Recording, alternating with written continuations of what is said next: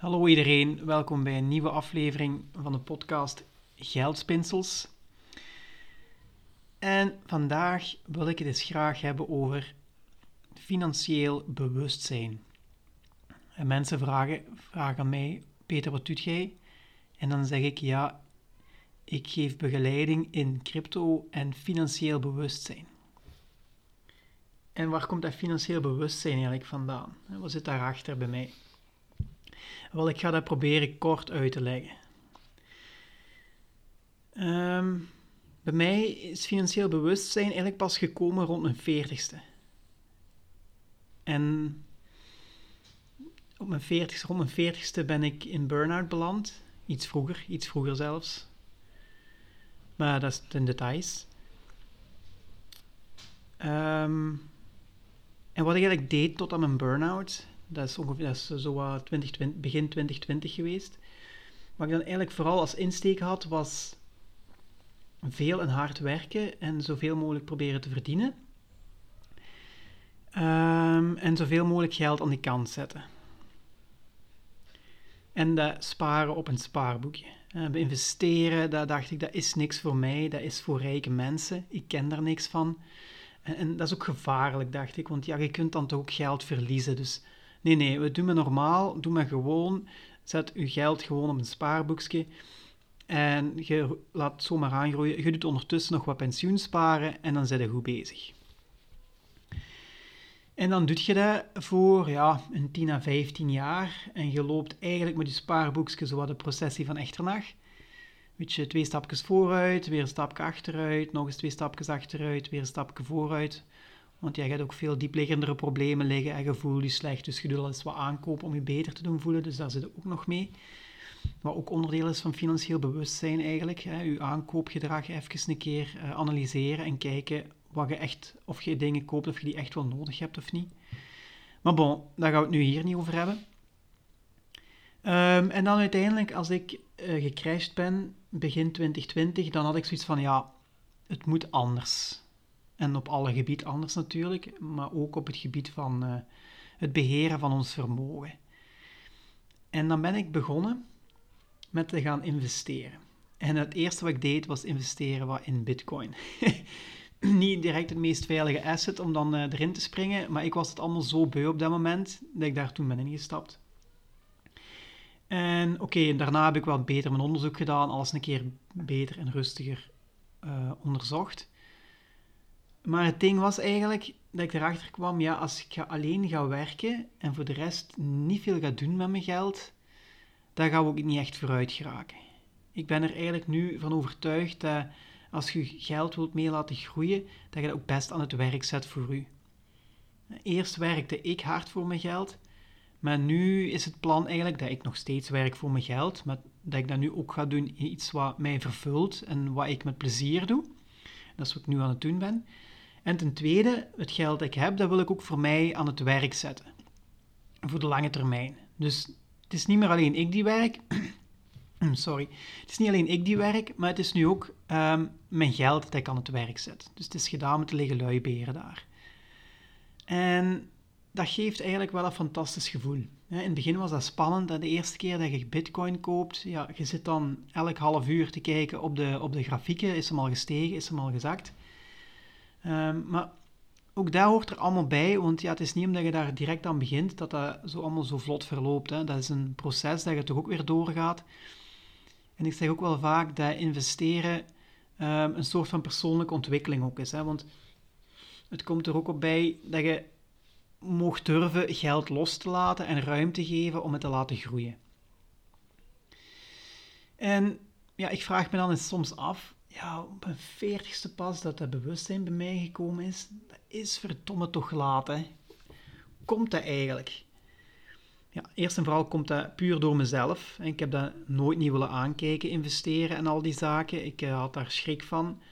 Um, dus ja, ik heb dat dus ook nooit niet de kans gegeven om naar me toe te laten komen. Um, maar wat ook is, is dat je daar eigenlijk als je als kind zijnde niet veel over geleerd wordt.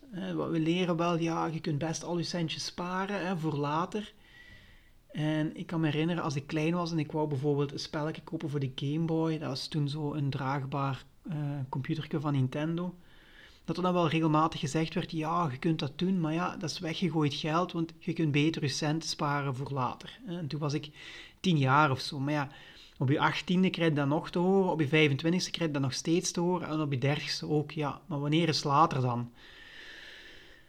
Um, dus ja, goed, je, je wilt ook af en toe een beetje leven natuurlijk, hè. maar bon. Uh, buiten dat werd er eigenlijk niet echt geleerd om met geld om te gaan. Het werd dus gezegd van ja, hè, je kunt het best zoveel mogelijk aan de kant zetten en dan aan de kant houden voor later. Uh, maar ja, rond iets investeren in iets of geld laten groeien voor u, daar werd eigenlijk ook nooit iets over gezegd. En als ik daarover terugdenk op school, ik denk dat wij nooit over geld gebabbeld hebben. Ik heb ook geen economie gevolgd natuurlijk, maar over persoonlijk beheer van je vermogen en hoe je dat kunt laten groeien en wat goede dingen zijn en wat niet, niks. Um, ja, kan je nu wel liggen voeteren op de maatschappij dat dat uh, niet werkt en dat dat niet goed is. Maar het belangrijkste wat ik dan gedaan heb, is eigenlijk ja, bij mezelf gekeken, ja, wat kan ik nu doen? En de eerste stap die ik heb genomen voor onszelf, eigenlijk hier heel het gezin, is dat we eigenlijk eens zijn gaan kijken, wat kunnen we doen met ons spaargeld? En wij zijn dan net beginnen met extra sparen en investeren toen corona uitbrak. Dus ja, je mocht toen niks, dus je kon ook heel weinig geld uitgeven, waardoor we ook heel veel geld overhielden. En in de plaats dat we dat eigenlijk aan materialistische dingen zouden besteden die we niet nodig hebben, hebben we eigenlijk heel veel geld gespaard op die moment. En ook geïnvesteerd. En zo zijn we daar ook in kunnen groeien en hebben ook leren appreciëren geld dat aan de kant zet voor de lange termijn. Dat voelt eigenlijk zeker zo goed als ik bijvoorbeeld, als ik me slecht voel, een bepaald spelletje zou kopen om weer even een nostalgisch gevoel van geluk uh, op te roepen. Dus ja, als je daar bewust van bent, en je kunt ook genieten van eh, geld dat je aan de kant zet voor de lange termijn, want je weet van ja, op in de toekomst gaat me dit meer opbrengen. En dat is eigenlijk echt een zalig gevoel. Dus dat heb ik aangepakt. Ik ben rustig gaan bekijken wat ik met mijn geld heb, of kan doen. En ik heb daar ook fouten gemaakt. We hebben geld verloren. We hebben hier ooit 5000 euro verloren aan een investering. En dat was dom van mijn kant, want ik was daar op een bepaald moment te greedy, te hebberig aan het worden. En ook dat is weer een leertraject. En dat gebeurt ook bij investeren. Hè. En je gaat ook geld verliezen. Ik heb ooit een boek gelezen, ik weet niet meer van wie het was, maakt niet uit, maar er wordt regelmatig gezegd, ik ken geen ene miljonair die op een bepaald moment nooit geld heeft verloren. dus dat hoort erbij. Nu, nu wil ik niet, niet zeggen hier dat je het geld door ramen en deuren moet gaan buitensmijten, maar um, als je op een beredeneerde manier investeert en ja, waarom even mijn draad kwijt. Ja, dus als je op een beredeneerde manier investeert en je doet dat heel rustig aan met geld dat je op de lange termijn kunt missen, dan kun je daar ook veel uit leren. En het tweede wat ik ook probeer te doen is, in plaats van te liggen voeteren op de maatschappij of op de school, is dat ook wat proberen mee te geven aan mijn kinderen. Ehm, dat ik hen ook al wat aangeef van, oké, kijk, hè, bijvoorbeeld je hebt veel geld gekregen met je plechtige communie of met je lentefeest en je hebt een mooi bedrag gespaard. Ja, het is prima dat je daarvoor een deel gebruikt voor leuke dingen te kopen, dat moet absoluut kunnen. Maar misschien is het ook leuk of interessant om een bepaald bedrag aan de kant te zetten en iets te beleggen voor later. Uh, zo van die zaken al aan te brengen aan mijn kinderen, dat er toch een bepaald bewustzijn is van kijk, ik kan mijn geld nu al laten werken voor mij. Ehm, dus dat zijn eigenlijk de zaken die ik nu aanpak. En dat is allemaal door een groeiend financieel bewustzijn. En natuurlijk ook, wat er ook bij komt kijken, is ook een bepaalde vorm van persoonlijke ontwikkeling. Hè? Dus bepaalde dingen van jezelf ook aankijken. Hoe ga ik om met geld? Um, pot ik dat op? Uh, is dat krampachtig om uit te geven? Allemaal van die zaken heb ik ook aangekeken om financieel bewuster te worden. En dat is een super interessant traject om te doen. Dus dat is ja, mijn inzicht erover. En ja, wat ik dus vooral doe, is eigenlijk, uh, ik laat een beetje zien hoe dat de maatschappij werkt en hoe dat eigenlijk ons geldsysteem werkt. En hoe dat in bepaalde mate ons dient en ook in, in een grote mate ons niet dient. En hoe we dat kunnen dan ombuigen in ons voordeel, zodat het ons, dat andere zaken ons dan wel kunnen dienen. En dat is de kracht die erin zit. Hè. In plaats van te liggen voeteren en te gaan liggen grommelen op het systeem, wat ik tien jaar lang heb gedaan, uh, probeer ik nu gewoon mensen aan te tonen van kijk, zo is het. En we gaan daar niet angstig om doen en we gaan ook niet boos worden, want dat is het systeem dat wij als maatschappij hebben gemanifesteerd. Dat is er nu eenmaal. Maar wat kunnen wij doen om het anders aan te pakken? En een van die vormen die je bijvoorbeeld kunt doen, is bijvoorbeeld investeren in crypto. En daar help ik dan mensen ook verder mee met hoe ze dat kunnen doen um, op een veilige manier. Dat ze dat zelf kunnen doen in alle vertrouwen en met de juiste kennis. Um, ja, dat dus. Dat is mijn verhaal, dus ik alweer 10 minuten aan het babbelen. Uh, ik wil ook nog wel even zeggen, alles wat ik hier natuurlijk vertel, draait rond geld, maar niks wat ik geef is, is financieel advies. Alles wat ik doe is, uh, heeft als doel educatie en bepaalde inzichten geven. En ik zeg ook altijd, als je investeert, doe dat heel beredeneerd. Doe dat met geld dat je op de lange termijn kunt missen. En als het misgaat, dat je daar dan niet voor op de, op de blaren moet gaan zitten of dat je uh, alleen nog boterhammen met choco kunt eten bij manier van spreken. Um, dus doe dat altijd allemaal beredeneerd. En als je daar professionele hulp bij wilt, dan kun je beter een financieel adviseur zoeken. Dus op dat gebied mag ik u niet helpen. Maar op alle andere gebieden kan ik wel helpen met inzichten te delen. Voilà, ik ben weer rond. Ik ben alweer 11,5 minuten aan het babbelen, dus ik ga het hierbij afsluiten.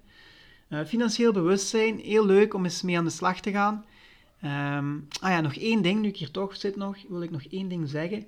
Op zaterdag 14 oktober organiseer ik hier in Hechtel een Bitcoin-dag. En dat gaat niet online door, maar in het echt, live, of hoe zeggen ze dat? Ik vind het altijd zo lastig om hoe we dat nu eigenlijk zeggen. Maar bon, in het echt. Um, we gaan een hele dag uittrekken en de bedoeling van die dag is dat we gaan leren hè, een, een, een, veilige omgeving op te zetten, hoe dat je je bitcoins of andere crypto's aankoopt en kunt verkopen. En ook hoe dat je ze dus veilig kunt bewaren, want dat is natuurlijk ook super belangrijk. En dat gaan we die hele dag um, doen. En waarom heb ik dat beslist? Omdat na de Bitcoin Info en Workshop van vorige week vond ik het eigenlijk super aangenaam om met mensen samen te zitten, in interactie te gaan, vragen te beantwoorden, elkaar te stimuleren. En ik wil daar meer van doen. En daarom doe ik dat. Dus heb je daarvoor interesse, dan kun je gaan naar www.petermonte.be slash bitcoindag en dan kun je je op de VIP-lijst zetten. En je kunt je daarop zetten tot 1 oktober en iedereen die op die lijst zich heeft geregistreerd, krijgt daarna uh, een heel mooi aanbod om mee te doen aan die, aan die bitcoindag. Staat je niet op die lijst, dan kun je nog steeds meedoen achteraf, kunt nog altijd inschrijven, maar dan wel niet meer aan dezelfde voorwaarden. Dus heb je interesse erover of wilt je graag meer weten, contacteer mij gerust. Stuur mij een e-mail of contacteer me via mijn socials, Instagram of Facebook. En dan beantwoord ik uw vragen met plezier.